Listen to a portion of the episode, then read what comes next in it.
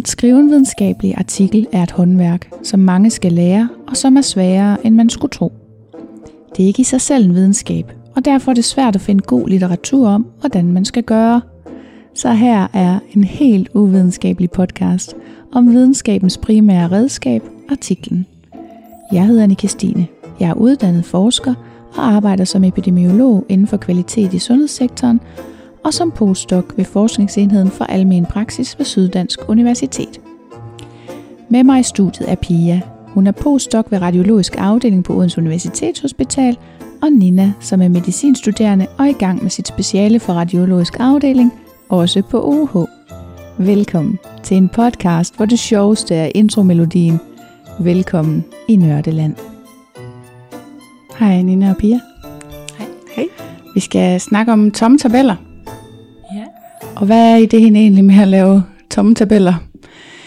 Øhm, det er jo egentlig bare at gøre klar. Du skal have, øh, du har din, dit formål, og du skal hen til din konklusion, og indimellem der, der skal du have præsenteret resultaterne, og så er det en god idé, at du har tomme tabeller klar, fordi så har du din linje, den røde tråd igennem artiklen. Mm. Yes. En anden ting, du også rigtig gerne vil have, det er øh, en figur. Ved du, hvad for en figur? Jeg er bare helt... Øh, Ja, sådan et øh, inklusions øh, nemlig... ja. Den vil du rigtig gerne have. Og jeg synes faktisk, hvis du har sådan et whiteboard eller en anden mulighed for, eller på noter på computeren eller noget, men hvis du har mulighed for at hele tiden holde den opdateret på et eller andet sted, så bliver du så glad senere. Fordi det der med at huske, hvorfor var det nu, der var nogen, der blev ekskluderet, eller udgik af forskellige årsager, det er simpelthen så rart at have overblikket over. Det kan godt være, at du ikke må have det på et whiteboard af GDPR-hensyn, faktisk. Men øh, du må godt have det på din computer i hvert fald. Men der er der vel ikke noget øh, personsensitivt Nej. i af der? Men man skal i hvert fald altid passe meget på. Hellere mm. Better safe than sorry, når det kommer til GDPR. Ja. Ja. Så du skal have dit flowchart, så man kan holde øje med, hvordan det går med de patienter fra, fra dem, du starter med, og til dem, du så har med i dine analyser. Og så skal du have de her tabeller. Og den første tabel, det er sådan en rigtig kært barn har mange navne situation. Øh, jeg plejer at kalde den baseline-tabellen. Der er også mange, der bare refererer til den som tabel 1, fordi det altid er tabel 1. Mm. Og det er der, hvor du beskriver de baseline-karakteristika, du har på din population. Og hvad var det nu for nogen, I samlede ind? Kan du huske dem? Hvad for nogen vi samlede ind? Hvad for nogle data, I samler ind ved baseline-målingen på patienterne? Øhm, vi har køn og Mm. alder. Øh, højde og vægt, som så tilsammen bliver mm. til Mhm. BMI. Mm. Øh, komorbiditeter. Mhm. Mm. Øhm, Rygestatus. Har vi det med? øh, altså dato for biopsien. Nej, rygestatus. Nå, rygestatus. Ja, jeg synes, du sagde kryvestatus. Nej, det har vi. Ja, ja, rygestatus og øh, antal pakkeår. Mm. Øhm, Ej, rygestatus, det er bare sådan en rigtig vidunderlig en. Altså jeg kan huske en gang, jeg skulle ud i sådan et internationalt studie, så skulle vi lave rygerstatus, og så skulle vi blive enige om det. mm-hmm. Hvordan, altså, oh my god. Altså, det der, altså den, den, øh, fordi det er sådan noget med, er du nogensinde røget, eller ryger du nu, eller er du stoppet, eller hvornår er du stoppet? er alle sammen stoppet i går. Ja, ja, og det, og, jamen, og det er også bare sådan, det kan være svært også at placere sig selv i den. Mm. Øhm, og ja, og fa- faktisk det værste eksempel i hele verden, det er den øh, med ægteskabelig status. Fordi der kan man tit vælge både fraskilt og, og single. Og Sådan, ja, hvad gør jeg nu? Altså, det er korrekt. Men jeg har også engang været samboende. Og måske har nogle kæreste. Jamen, det er det. Eller ses altså, med en. Eller? Ja, sådan noget. Så det er sindssygt svært. Altså jeg plejer bare, når det er mig, så laver jeg altid bare sådan samboende eller ej. ja. Ikke? Mm. Så, har jeg, så var jeg med i et, et studie, hvor at der var folk, der boede på plejehjem.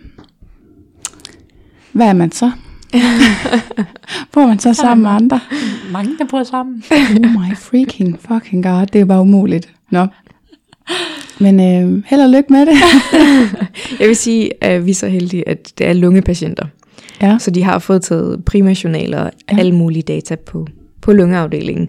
Og de plejer at skrive rygestatus. Så vi går efter, hvad de har, ja. har valgt at kalde det. Okay, så Og I har kategorierne Ja, givet. de skriver også pakke over, efter, ja. Ja.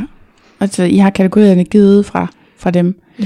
Men det er bare vigtigt, altså det er faktisk lidt vigtigt, når man, når man laver den slags, at man lige tjekker med, om der er en eller anden international standard. Mm. Men det var nok ikke så meget det her, det skulle handle om, men det er bare, øh, at, at det er bare rigtig irriterende. Øhm, det er også på uddannelsesniveau, der den danske skolemodel er jo lidt anderledes end i England og USA for eksempel. Ikke? Mm. Så hvis man vil have det sammenligneligt, så skal man på en eller anden måde sikre sig, at den måde, man afrapporterer det på, den kan sammenlignes. Ja. Det var lige ekstern validitet, damen, der gik lidt amok. øhm, okay, så ja, har I flere? Så er der jo lokalisationen af tumoren, men den, den kommer nok ikke ind i, øh, i baseline-tabellen. Det får måske en for sig selv. Ja, det er lidt om den skal med der, deres, øh, hvor stor deres tumor er, hvor langt ja. den ligger fra lungehinden, ja. og, og hvilken lungelap. Og, Ja. Ja, godt spørgsmål. vil man også putte ind i der, sådan en, hvor mange af dem har fået pneumothorax? Nu tager jeg jo kun dem med sådan, i mine andre resultatsnit, dem der har fået det, fordi Mm. jeg kan ikke kigge på udvikling over noget, der ikke sker. Nej, Øhm, men vil man stadig skrive? Det vil man ikke, fordi man tager jo kun... du har dem ikke med. Jeg har dem ikke med, nej. Du har dem faktisk ekskluderet. Ja, Op hvis til- de ikke har fået... Ja. Ja. Så de skal, de skal indgå i din øh, figur, dit flowchart, tænker jeg. Mm. Hvor mange var inde og få taget en biopsi, og hvor mange af dem fik så pneumothoraxen. Og så er det der, du starter med dem, ikke? Ja. Ja. Øhm, hvis nu det havde været et andet slags studie, hvor I skulle se på, om der var forskel på dem, der fik og dem, der ikke fik, mm. så vil du have to kategorier. Det er altid også dejligt i sådan en tabel 1, for så kan man jo holde dem over for hinanden og sige, er der forskel på fordelingen af køn og alder og alt det der. Mm. Øhm, og det var, der skal man bare lige huske, at man ikke skal, eller at man ikke skal, øh, man skal ikke undersøge statistisk, om der er forskel mellem grupperne i tabel 1, fordi, eller det kan man godt gøre for hyggens skyld, men der er diskussion af i tidsskrifterne, om man vil have den p-værdi der. Mm. Øhm, og vi har snakket om det før, Pia, hvor du sagde, at der er nogle af jeres tidsskrifter, hvor de rigtig gerne vil have den, eller de vil ikke udgive uden den. Mm. Ja, og jeg har oplevet det modsatte, ja. så det er bare rigtig super.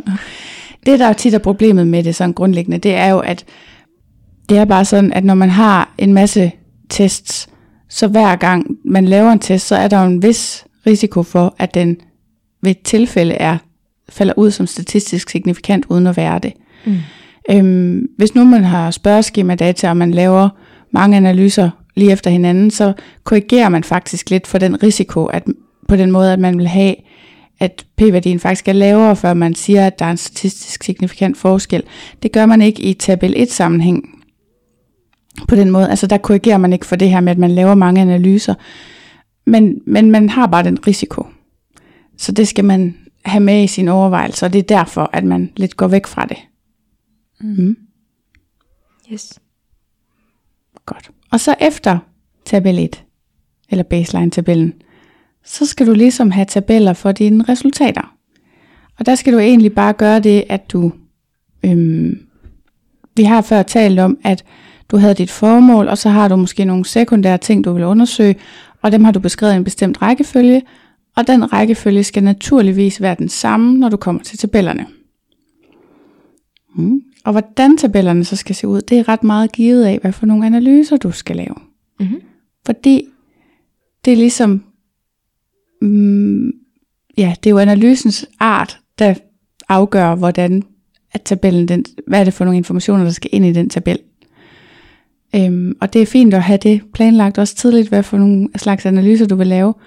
Og det du kan gøre, det er, at du kan gå ind på øhm, den der UCLA Statistics hjemmeside, og der kan du finde øh, det, de kalder annotated output, hvor du faktisk kan se ud du kan sammenligne med, hvad får du ud af dit statistikprogram, og hvad er det så, der skal præsenteres i en tabel i en videnskabelig artikel. Mm. Øhm, og det er nemlig det er ret rart at have den der, fordi det er ikke det samme. Det svinger mellem, hvad for en slags analyse du skal lave. Og det er rigtig rart at have de der tabeller klar. Fordi, som sagt, det giver den røde tråd, men det gør det også utrolig meget nemmere, når du skal til at analysere. At du ligesom har den plan lagt meget tidligt. Mm. Yes. Har du et spørgsmål? Øhm, jeg prøvede at gå ind på den der UCLA Ja. Statistics. Ja. Jeg kunne ikke helt finde ud af, hvor, hvor det var, så det kan godt være, at der skal noget link til. Ja, vi må lige lægge et link. Det er Ja. rigtigt, den er blevet, det er blevet sværere at finde. Den er ikke så intuitiv, deres Nej. hjemmeside, vil jeg sige. Nej, i gamle, i gamle dage synes jeg, den var mega nem. Ja. Øhm, men det er rigtigt, det er blevet sværere at finde det, især hvis man bare går ind ude fra forsiden. ja, eller bare søge på UCLA Statistics, ja. så kom der også noget lidt, så var det lidt, vil du søge ind på UCLA, hvor man sådan, Lige "Ah, præcis. Så kommer man på universitetets forside, og man skal nemlig lige kende vejen derind. Ja, men jeg skal nok øh, prøve at finde et mere direkte link. Ja. men godt, du har været i gang med at lave lektier og alt muligt. Ja, dejligt. Er der noget, du vil tilføje, Pia? Nej, det tror jeg ikke. Så lad os sige, at det var det. Tak for nu. Tak. Jeg håber, du har nydt denne lille bid af artikelskrivningens kage. Hvis du vil bidrage til podcasten, se hvad der sker bag om mikrofonerne, eller deltage i et fællesskab for nørder om artikelskrivningens fine kunst, kan du følge med på Instagram på profilen publipro.dk. Jeg har også en hjemmeside, den hedder også publipro.dk, og ellers kan du finde mig på LinkedIn eller andre sociale medier under anne Christine Dyrvig. Tak for nu. Vi ses i Nørdeland.